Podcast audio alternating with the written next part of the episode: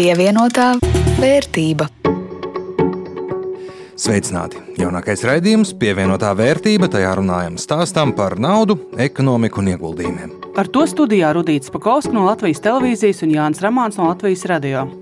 Šodien par ukraiņu bēgļiem un darbu, kas jāzina tiem, kas grib un var tiem piedāvāt darbu. Dzirdēsim arī vērtējumu par saņemto palīdzību no bēgļiem, kuri jau ir iekārtojušies darbā pie mums Latvijā. Un, protams, daļu laika veltīsim arī norisēm Baltijas biržā, un tā kārtīgāk ar investoru acīm papētīsim vienu konkrētu uzņēmumu. Pievienotā vērtība. Runājot par aktuālo, jāsāk noteikti ar starta šāvienu inflācijas skrējienam. Martā Latvijā gadu laikā cenas palielinājušās par 11,5%. Lielākā ietekme tieši pārtikas cenu kāpumam. Un analītiķi viensprāts, šis ir tikai sākums, vasarā, rudenī cenu kāpums, diemžēl, turpināsies. Iemesli, nu, pirmais ir Covid atskaņas. Atcerieties nu, to vīrusu, kas visu pasauli dancināja vairāk nekā divus gadus, un joprojām turpina. Piemēram, Ķīnā ieradies omikrons un stingrās nulles Covid politikas dēļ valstī laika pa laikam ir plaši lockdowni. Un tas kopā ar normālas dzīves atsākšanos citur dzēn cenas augšā. Otrais - karš Ukrainā. Ukraina un arī agresors Krievija ir būtiski spēlētāji pasaules pārtikas tirgu, notiek atteikšanās no Krievijas energoresursiem, plus Loģistikas ķēdes kara un sankciju dēļ traucēts, un tas viss atbalsojas cenās. Latvijas banka eksperti saka, varam gaidīt iespējams arī ekonomikas recesiju. Bet turpinot par energoresursiem, mums Latvijā tā dīvaini ar to Krievijas gāzi sanāca tāda Šrēdingera atteikšanās. Tā kā ir, tā kā nav. It kā paši atteikušies nesam, bet no aprīļa sākuma gāze neplūst. Plāns atteikties ir, turklāt plāni ir veseli divi. Viens top valdībā, otrs parlamentā. Nu, un tad, lai piešautu eļļu ugunī un visu samudžinātu vēl vairāk, Latvijas gāze paziņoja, ka, nu, principā pēc viņa domām par gāzi varētu maksāt arī rubļu rubļos, kā to prasa Krievija.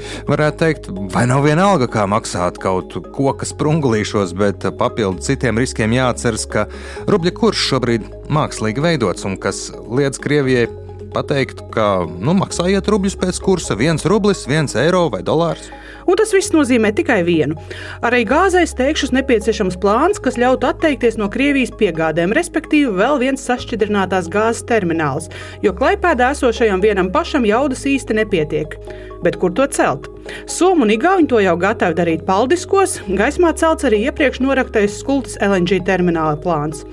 Paldiski šķiet ir ātrāk, bet dārgāk, savukārt skulte lēnāk, bet lētāk.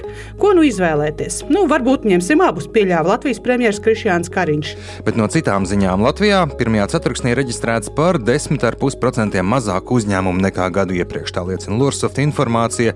Reģistrēti ir 2215 uzņēmumi un septiņus no tiem Latvijā reģistrējuši arī Ukrainas valsts piedarīgie.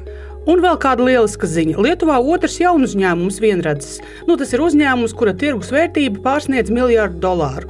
Par to kļūst Lietuvas kiberdrošības risinājumu uzņēmums Nord Security. Šķiet populārākais viņu produkts ir NordVPN programma, kas ļauj internetu aplūkot, pasargājot savu privātumu. Nu, un, protams, valstīs, kur liekt pieeja kādiem internetu resursiem, virtuālais privātais tīkls, nu, tas ir VPN, ļauj tos brīvi aplūkot. Pievienotā vērtība. Vairāk nekā 12,000 ukrāņu, bēgot no kara, Latvijā ir saņēmuši uzturēšanās atļaujas ar tiesībām uz darbu. Apmēram desmitā daļa no tiem runājuši ar Nodarbinātības valsts aģentūru par darba atrašanās iespējām, un no šiem, kas runājuši, pārsvarā jeb 87% ir ukrāņu sievietes, vairāk nekā pusē ir augstākā izglītība, un no darba meklētājiem visi ir pratuši vismaz vienu svešu valodu, attiecīgi krievu vai angļu, krievu pārsvarā. 80% meklē darbu Rīgā, Tāda ir oficiālā statistika. Lai palīdzētu Ukraiņas iedzīvotāju atbalstam, pieņemts arī speciāls likums Latvijā, kas īsi un vienkāršot sakot, domāts, lai mazinātu birokrātiju un Ukraiņas iedzīvotājiem ļautu saņemt visus tos pakalpojumus un iespējas, kur pieejami ikvienam Latvijas iedzīvotājam, sākot ar veselības aprūpi, bankas kontu, pabalstu un tā tālāk. Bet, kā ar visiem labiem nodomiem, svarīgas ir detaļas, un vai labās ieceres patiešām dzīvē strādā. Kara laikā atbalsts Ukraiņiem bez liekas birokrātijas. Priecēja tas, ka arī realitātē šis likuma mērķis, cik mums to nācies novērot, tiek sasniegts. Tā pasākumā uzņēmējiem, kas jāzina, pieņemot darbā Ukraiņas iedzīvotājus, jaunos likumus uzslavēja zvērināta advokāta palīgs no BDO lāva Jānis Ciguzs. Viņš piebilst, ka nodarbināt var ne tikai Ukraiņas pilsoņus, bet jebkuru, kurš bēg no kara Ukrainā, ja vien tam tur ir bijušas tiesības dzīvot un strādāt. Lai gan dokumentu vīzas atļauju saņemšana notiek pātrināti, tomēr tas aizņem laiku, un, ja vēl pirms pāris nedēļām tas bija būtisks šķērslis darba līguma slēgšanai, kļūda šobrīd saprasta, likums izlabots. Šobrīd šis šķērslis no likuma ir likvidēts, un ar grozījumiem ir noteikts, ka Ukraiņas civiliedzīvotājiem, kuriem ir Ukrainā izsniegts ceļošanas dokuments, proti, tā varētu būt pase, un nav svarīgi, ka viņai ir beidzies derīguma termiņš, tad uh, viņam ir tiesības uzsākt darba tiesiskās attiecības bez šīs vīzes. Vienīgi ir nosacījumi, proti, darba līgums šādā gadījumā ir slēdzams ne ilgāk kā uz 30 dienām, ne vēlāk kā desmit dienu laikā no darba līguma noslēgšanas Ukrainas eh, civiliedzīvotājiem ir pienākums iesniegt pieteikumu pilsonības un migrācijas lietu pārvaldē šīs vīzas saņemšanai. Lai padarītu visu raitāku arī uzņēmēju pusē, tiem vairs nav vakances jāreģistrē Nodarbinātības valsts aģentūrā un drīkst pieņemt darbā arī bez valsts valodas zināšanām. Oficiāli šobrīd ir vairāk nekā 7000 vakanču no Latvijas uzņēmumiem, kuri norādījuši, ka gatavi nodarbināt Ukraiņas iedzīvotājus. Visvairāk vakanču ir informācijas tehnoloģiju jomā, meklē programmētājs, tam seko ražošana, būvniecība un pakalpojumu nozars. Par Latvijas uzņēmēju piedāvājumu tā stāsta personāla vadības konsultācija konsultāciju uzņēmuma Erda partnere Bārsla Baško, kur savu laiku šobrīd velta speciālam vakanču portālam Ukraiņiem Latvijā. Un, ja raugās no tā, kādu darbu Ukraiņu cilvēki meklē, aina ir cita. Tās trīs populārākās nozares, kam ukrāņu darba meklētāji ir pieteikušies, ir klienta apkalpošanas jomā, rūpniecības ražošanas jomā un pārdošanas mārketinga jomā. Tā kā te tā šķēra eksistē, un tas tikai nozīmē, ka mums kopīgi ir jāturpina izglītot sabiedrība gan par to, kāds ir šis darba meklētājs no Ukrainas un kas ir varbūt tā slodzi, ko viņš ir gatavs strādāt un kā palīdzēt atrast maksimāli piemērotu darbu ne tikai tām iespējām, bet arī izglītībai. Baško ir arī ieteikumu uzņēmējiem pie sludinājumiem norādīt ne tikai e-pasta, bet arī kādas citas saziņas iespējas, rēķināties ar to, ka vairums vēlas daļējas slodzes darbu, kā arī lūdz pēc iespējas precīzāk aprakstīt veicamo darbu ir jānorāda, vai tas darbs, ko jūs piedāvājat, būs fiziski izdarāms arī eh, cilvēkiem, kas varbūt ikdienā svars necilā. Eh, teiksim tā. Otra ļoti būtiskais tāds ieteikums, ko mēs arī esam pamanījuši, ir daļa no bēgļiem nespēja sarunāties angliski, tāpēc labāk apmeklēti pēc statistikas ir arī tie sludinājumi, kas ir publicēti Krievu vai Ukraiņu valodās, un tas ir atkal viena no lietām, ko varbūt ir vērts paturēt prātā. Tas, kas vēl ir tas būtiskākais, ko mēs no savas puses vienīgais, ko darām, ir tie sludinājumi, kur, piemēram, ir norādīts, ka latviešu valodas zināšanas ir obligāts, tos mēs nepublicējam publicējam portālā, labi apzinoties, ka eh, uz šīm vakancēm īsti pieteikums netiks saņemti. Darba Latvijā uzņēmumā BDO Latvija jau atradusi Svetlāna Garjūgina. Viņa Latvijā ieradusies ar diviem maziem bērniem un mammu. Labdien! Я буду говорить на русском. Прежде всего, хочу поблагодарить Латвию и латышей да, за поддержку. Viņa ir jurista un Latvijas iestādē velta atzinīgus vārdus par to, ka viss noticis ātri, raiti, daudz kur attieksme ļoti cilvēcīga, palīdzot saprast, kas un kā pie mums notiek. Ja nav varēts jautājumu atrisināt uzreiz, vēlāk atzvanīts, paskaidrots, bērndārs jau nākamajā dienā bijis gatavs bērns uzņemt. Sakārtot arī izglītības dokumenti, kurus bēgot no valsts nav izdevies paņemt līdzi, un šķērslis nav izrādījies arī tas, ka mammai pase jau pāris gadus ir ar beigušos derīguma termiņu. Viņa saprot, ka gan Ukraiņa, ukraiņi, gan latvieši šajā situācijā mācās darot. Visproblemātiskāk, un kur būtu vēlams ko pielabot, bijis atvērt kontu bankā.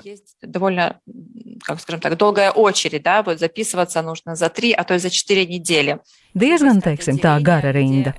Var pierakstīties pēc nedēļām, trim, četrām, vai meklēt nodaļu, kur ātrāk var tikt, bet tās tāpat ir divas, trīs nedēļas. Pirmajai vizītei pierakstījos pēc divām nedēļām, bet atkārtot vizīti, kad visi dokumenti pārbaudīti un apstiprināti, vēl pēc trim nedēļām. Tāda lūk aizķeršanās. Līdzīgi par savu dokumentu kārtošanas un darba meklējuma pieredzi stāsta arī personāla atlases vadības eksperta no Ukrainas Anastasija Baļa. Īpaši uzsverot un pateicoties, ka visur viņa sastapusies ar lielu pretīmnākšanu un profesionalitāti no latviešu puses, pat tad, ja pašiem darītājiem vēl nav bijusi ne pieredze, ne sakārtota likumi. Viss notika ātri un profesionāli. Es pat sevi pieķēru domājam, es labprāt šādus profesionāļus pārvilinātu pie sevis uz Ukrajinu. Pārējiem pie Ukrāņu darbā iekārtošanas tēmas. Es redzu tādu nelielu problēmu, kad runājam par bēgļu nodarbināšanu kopumā, neskatoties pat no kādas valsts, mēs uzreiz iedomājamies zemi kvalificētu darbu. Tas attiecas ne tikai uz darba devējiem, bet arī darba meklētājiem. Darba devēji īsti neredz, ka Ukrainā ir gana daudz talantīgu profesionāļu ar starptautisku pieredzi un izglītību, bet darba meklētāji netic, ka viņi var šeit turpināt savu karjeru.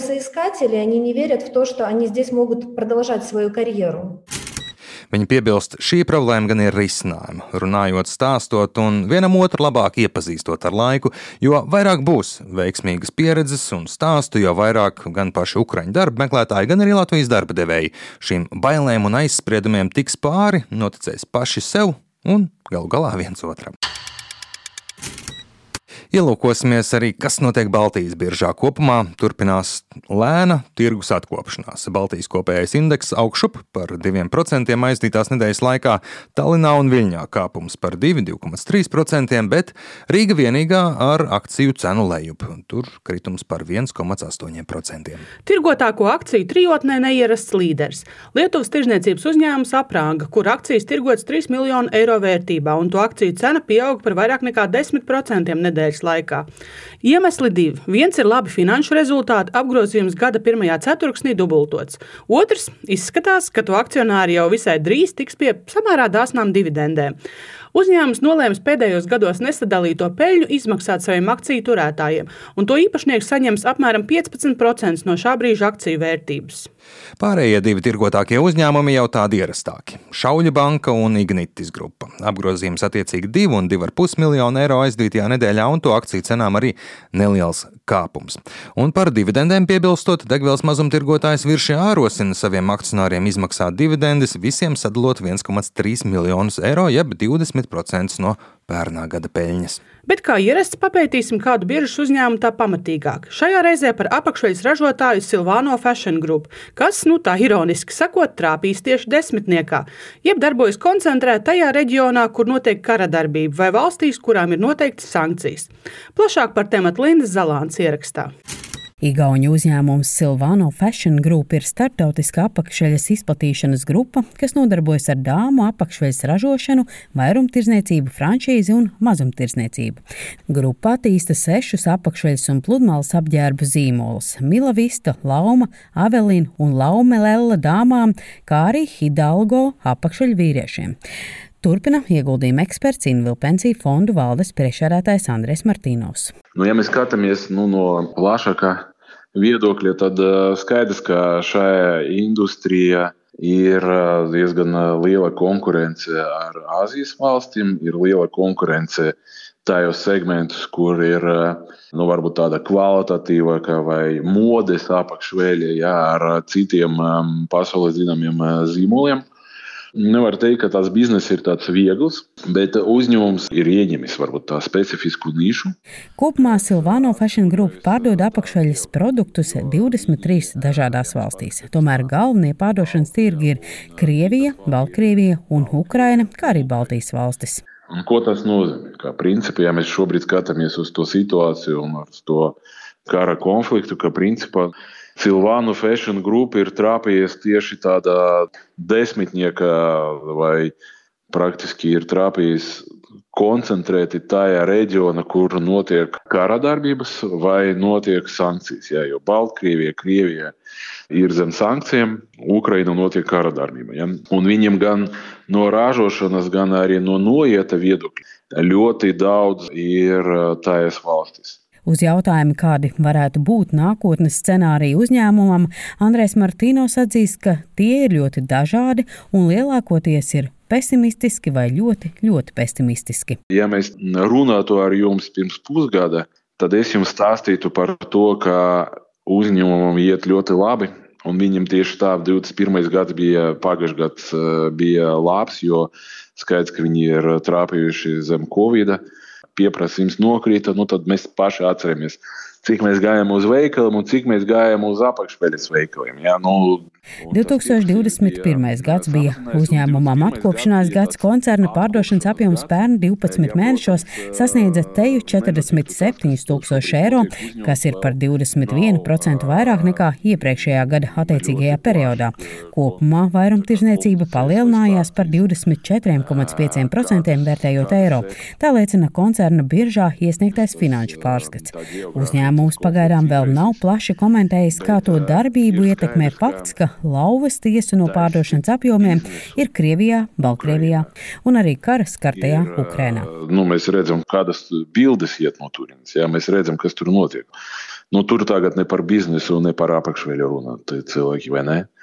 Savukārt, runāt par biznesu Krievijai vai Baltkrievijai, ja, maksāt nodokļus un atbalstīt to konfliktu, nu, arī nav iespējams. Nu, kā, tā perspektīva ir diezgan drūma, it sevišķi, ja mēs skatāmies to morālo vai ētisku pusi. Koncernam ir trīs rūpnīcas. Divas atrodas Baltkrievijā, Minskā, bet viena Latvijā, Liepājā.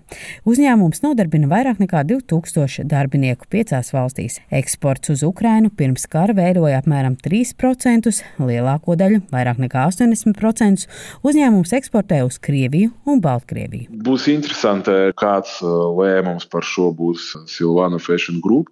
Viens no variantiem ir nu, notirgot to visu, bet atkal kas pirks un uh, kam tu vari pārdot. Jo, nu, ja mēs paskatāmies tā, nu, tad skaidrs, ka turpināt ražot Baltkrieviju un tirgot Baltkrieviju un Krievijā nu, ir iespējams. Jā. Bet kā uzņēmumam veicas biržā, Martīnos stāsta, ka līdz decembra beigām uzņēmuma akciju cena bija ar augšupējošu tendenci, jo uzņēmums atkopās pēc pandēmijas, bet līdz ar kara darbības sākšanos Ukrainā Silvano Fashion Group akcijas cena nokritusies uz pusi. Runājot par to, vai ir vērts ieguldīt vai nav vērts ieguldīt, nu, tā neskaidrība, vai tā neziņa, vai tā nenoteiktība, kas nāk no šīs situācijas, skaidrs, ka viņi arī to novērtējumu padarīja par ļoti zemu.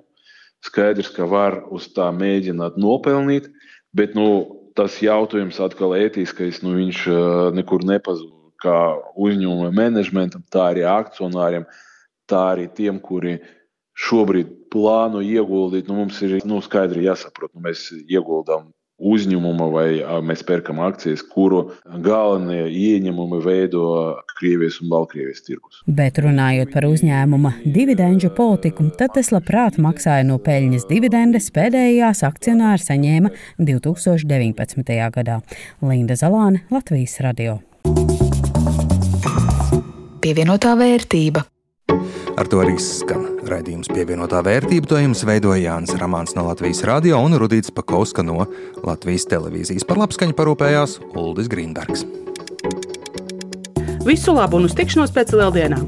Šo un citus mūsu raidījumus var atrast arī Latvijas radio mājaslapā un arī raidierakstu vietnēs. Pievienotā vērtība.